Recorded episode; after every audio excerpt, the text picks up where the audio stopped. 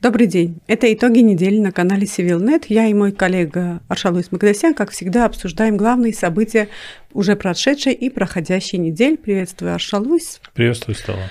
А, у нас, как всегда, накопилось немало новостей, но давай начнем все-таки э, с новости о том, что миссия Европейского Союза скоро будет размещена на армяно-азербайджанской границе. Как мы знаем, на днях э, техническую группу принял министр обороны Армении. В дальнейшем уже будет размещена мониторинговая группа из 40 человек. Кстати, на этой неделе мы э, видели некоторые сообщения с цифрой 400, что не соответствует действительности. Э, речь идет всего о 40 э, представителях э, Европейского Союза. И знаешь, я бы хотела побеседовать о спекуляциях на эту тему. Очень много есть анализа и спекуляций на тему, а что же ожидать от Европейского Союза, что, стоит ли чего-то ожидать от Франции. Все это умещается или в пророссийском контексте, или в антироссийском контексте. Очень мало адекватных оценок. Как по-твоему все-таки, о чем эта миссия? Ну, давайте а, начнем с того, как вообще формировалась идея, а, так скажем, на размещение данной миссии в Армении вдоль границы с Азербайджаном. Еще в прошлом году, когда случилось первое вторжение азербайджанских войск на территорию Армении, Армения тогда обратилась и в ОДКБ, и в другие организации, и тогда была идея об, отво- об зеркальном отводе войск и размещении там э, сначала, так как бы предполагалось, наблюдателей ОДКБ и других или российских э, войск туда. А, но сначала была идея размещения там наблюдателей УДКБ. Этого не случилось. Тогда, мы помним, УДКБ квалифицировал инцидент как пограничный, и что как бы не э, не подпадает под, под те статьи, которые существуют, и ОДКБ не обязана на это реагировать в данном случае. После этого были а, другие случаи армяно-азербайджанских а, боестолкновений на границе, и вот мы пришли к тому, то есть все это время была данная идея о зеркальном отводе, отводе войск, ничего такого не случилось. А после этого, то есть а, у нас мы, мы пришли вот к такой ситуации, своевременное, превентивное, а, отсутствие своевременного своевременных превентивных а, действий привели вот к такому а, достаточно тяжелому, э, тяжелой ситуации, что мы наблюдаем на передовой сейчас. Вот после, даже после вот последних вот этих событий Армения опять-таки обратилась и к России в двустороннем порядке, и к ОДКБ. Мы видели, что ОДКБ вместо того, чтобы отправить туда, туда войска, размещать их и так далее, а ОДКБ направили туда группу исследователей, которые должны были, и сюда прилетел Станислав генсек, да, генсек ОДКБ, которые там поизуч, поизуч, и поизучали ситуацию и отправились обратно. То есть э, реакция и ожидания относительно ОДКБ, они вообще не были э, не были, так скажем, идентичными ситуации. и адекватными той ситуации, которая складывалась mm. там. И Армения э, в результате обратилась в другие международные инстанции, организации, чтобы они размещали туда Э, свои, своих наблюдателей. И мы видим, что в, с конца прошлого года, э, пока Россия занимается военными действиями на территории Украины, она отвлечена Э, на Украину, она э, резко снизила свою активность э, в этом регионе, и часто этот регион и события в данном регионе не попадают в поле зрения России из-за своих проблем на фронте. Достаточно резко усиливала свои позиции, не то, не то что позиция, а свою активность Франция. в качестве главного модератора армяно-азербайджанских проблем – Европейский Союз и Франция. Поэтому а, в данном случае Армения, то есть предложение Армении а, размещать здесь а, другие международное присутствие, чтобы здесь было наблюдателей, размещать сюда наблюдателей Европейского Союза, она попала в точку. И сейчас Европейский Союз ограниченное, размещает здесь ограниченное количество наблюдателей для того, чтобы понаблюдать составить доклад, э, провести мониторинг э, и так далее и тому подобное. Как, по-твоему, это также превентивная мера, которая может, так сказать, предотвратить дальнейшие эскалации? Это мера, которая, которая, с одной стороны, показывает заинтересованность Европейского Союза и Запада в целом этим регионом, то есть повышение заинтересованности Запада в целом этим регионом. С другой стороны, это, конечно же, мера, показывающая о том, что у Запада есть интересы здесь, и а, они будут фиксировать всякие нарушения на границе, и это может иметь определенные последствия. А, то есть это в данном случае, да, превентивная мера. Но э, говорить о том, что это может э, привести к минимуму или к нулю возможность или вероятность того, что Азербайджан нарушит э, перемирие или хрупкое равновесие в регионе, нет, я бы не стал такие выводы делать, но все-таки это показатель интересов и показатель того, что, то есть это определенный стабилизирующий фактор, но, будь, но я бы не стал называть его абсолютным. Э, вторая тема, кстати, у нас э, ожидается еще одно размещение еще одной миссии. Э, речь идет о миссии ОБСЕ. Об этом на днях заявил министр иностранных дел Армении Арарат Мирзаян на пресс-конференции с коллегой из Норвегии. Как известно, на днях министр иностранных дел Норвегии посетила Ереван, и в ходе пресс-конференции Арарат Мирзаян заявил о том, что будет еще, возможно, будет еще одна миссия из ОБСЕ. А, вы знаете, в целом а, в последние несколько месяцев и особенно последние несколько недель а, армянская дипломатия, МИДа Армении в целом работает достаточно неплохо. То есть все, что от нее зависит, делать, делать определенные шаги на международной арене, провести вот планомерную, последовательскую дипломатическую работу для того, чтобы добиться каких-то целей, они этого добиваются. Это, а, в этом плане надо отдать должное армянскому МИДу. В такой достаточно сложной ситуации, когда, когда действия армянского МИДа а, на земле не подкреплена пока что военным достаточно жестким ответом армянской стороны на провокации Азербайджана, все-таки МИД делает определенную работу и достаточно неплохо, пока, пока что сейчас достаточно неплохо это делает. Потому что если в прошлом году мы вообще не могли думать о том, что здесь будет какая-то миссия.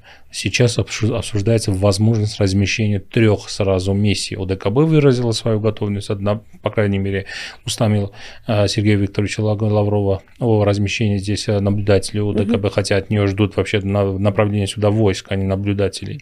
Потому что армия – это военно-политический блок, и армия является ее членом. И, э, и довольно-таки медлительно, если не сказать. Да, и, и, после, и, и об этом было заявлено после того, как Европейский Союз уже согласовал направление сюда своей миссии.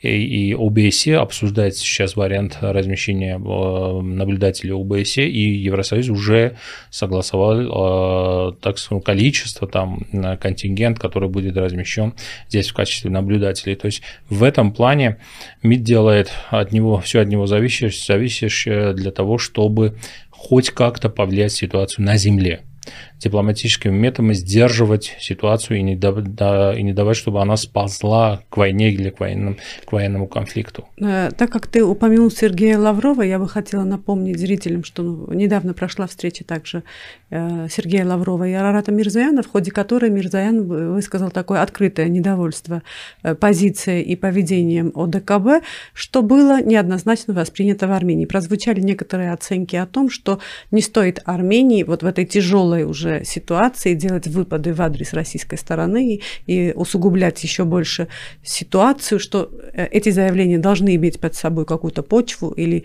э, политику. Как ты вообще относишься к этим Вообще в целом было бы неплохо, когда делаются такие заявления, они, они были основаны на четких расчетах. расчетах или за этим заявлением была политика, определенная последовательная политика.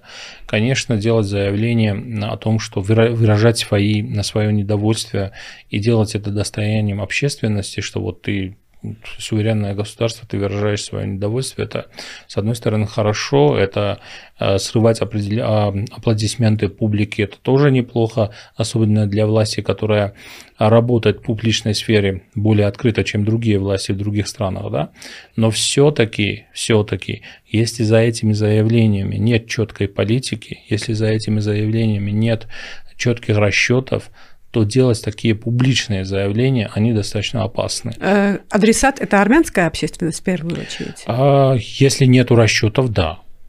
А если нет расчетов, ты просто показываешь, что ты работаешь, ты делаешь вот такие бравые заявления, ты выражаешь свое недовольство, ты выражаешь то, накопившееся недовольство, которое существует в армянском обществе. Есть такие обсуждения, и власть на это реагирует, убивая двух собак сразу, так скажем, или двух кошек сразу, да, то с одной стороны ты говоришь своему партнеру о своем недовольстве, с другой стороны ты отвечаешь на те недовольства, которые существуют в Армении. Но, опять-таки, повторюсь, если за этой, я не знаю, может быть, есть за этими заявлениями определенная политика, но до сих пор армянские власти, э, так скажем, это начиная с 2018 года, и до этого тоже были определенные в этом плане э, выпады тоже были на, на сторону России, но э, с 2018 года проблемы не стали замалчивать. Они, они все это выплескивалось на наружу, в, обществен, на, общественные площадки. Это было достаточно дерзко делано, сделано 2000, с 2018 года. То есть это такая политика проводилась. А после войны а, стали замалчивать определенные проблемы, и была ситуация другая. Но сейчас тоже наблюдается вот это, а, так скажем, в каком-то плане вот популизм, который может, э, который просачивается иногда вот в действия армянских властей, и это может быть опасным, если, опять-таки, за ними нет расчетов. И еще одна тема недели – это армяно-индийское военное сотрудничество. Еще до недавнего времени об этом мы узнавали преимущественно из индийских СМИ, но вот э, с визитом в Индии находится министр обороны Сурен Папикян, это все уже открыто, мы имеем сообщения о встречах, а также по сообщениям э, э, индийского сайта Армения интересуется индийскими средствами противовоздушной обороны и приобретением э, дронов. Э, получается, что вынуждена в данной уже ситуации, когда Армения не получает вооружение из России, она уже вынуждена идет путем дифференцирования источников вооружения. Так? А, да, но я давайте еще кое-что дополню а, относительно вот последнего вопроса и перейду к этому. Нужно еще так учитывать то, как а, достаточно грамотно играет на всем этом Ильхам Алиев, президент Азербайджана. Он, видя, так скажем, жесткую конкуренцию между Западом и Россией. И то, как на Западе сейчас, особенно Франция, выражается в отношении Азербайджана, он выражая свое недовольство действиями э, Франции и действиями президента Макрона, между тем покрывает спину также России, так скажем. То есть говоря о том, что вот не, не Запад, так скажем, а сдерживал Азербайджан, а или, да, или, или не посредством Запада было установлено данная мера перемирия, а это было э, исключительно, здесь была велика роль России и значение России. То есть Азербайджан это делает не для того, чтобы Э, так скажем, просто ублажать Россию, да, для, а, для, а для того, потому что понимает, что э, просто ссориться с Россией не хочет сейчас на данном историческом этапе, потому что есть очень много вопросов, касающихся Карабаха, там, э, миротворцев и так далее, э, и Азербайджан будет целенаправленно проводить такую политику, с одной стороны, а, играя на противоречиях между Россией и Арменией на данном а, историческом этапе, с другой стороны, приведя ситуацию к тому, чтобы, а, так скажем, наблюдая за тем, как слабеет Россия, ей незачем ссориться с ней. А в Баку, наверное, думают, что все идет к тому, что Россия сама уйдет из Карабаха в каком-то когда-то, как-то. Может быть, Без это будет. Да, да, может быть, Баку. это будет. Или, или будут как Э, не такие. В 2025 году, например, будут нужны не такие вот сильные усилия для того, чтобы выводить Россию. Или, или можно продлить на один срок, но после этого как бы не продлить все это.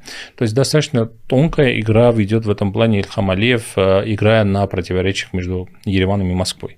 Это нужно учитывать, э, и этого нужно не допускать, чтобы э, между союзниками Армении, Ерев... Э, Москвой, Армении и Россией могут быть противоречия, но Ильхаму Алиеву там вообще не место.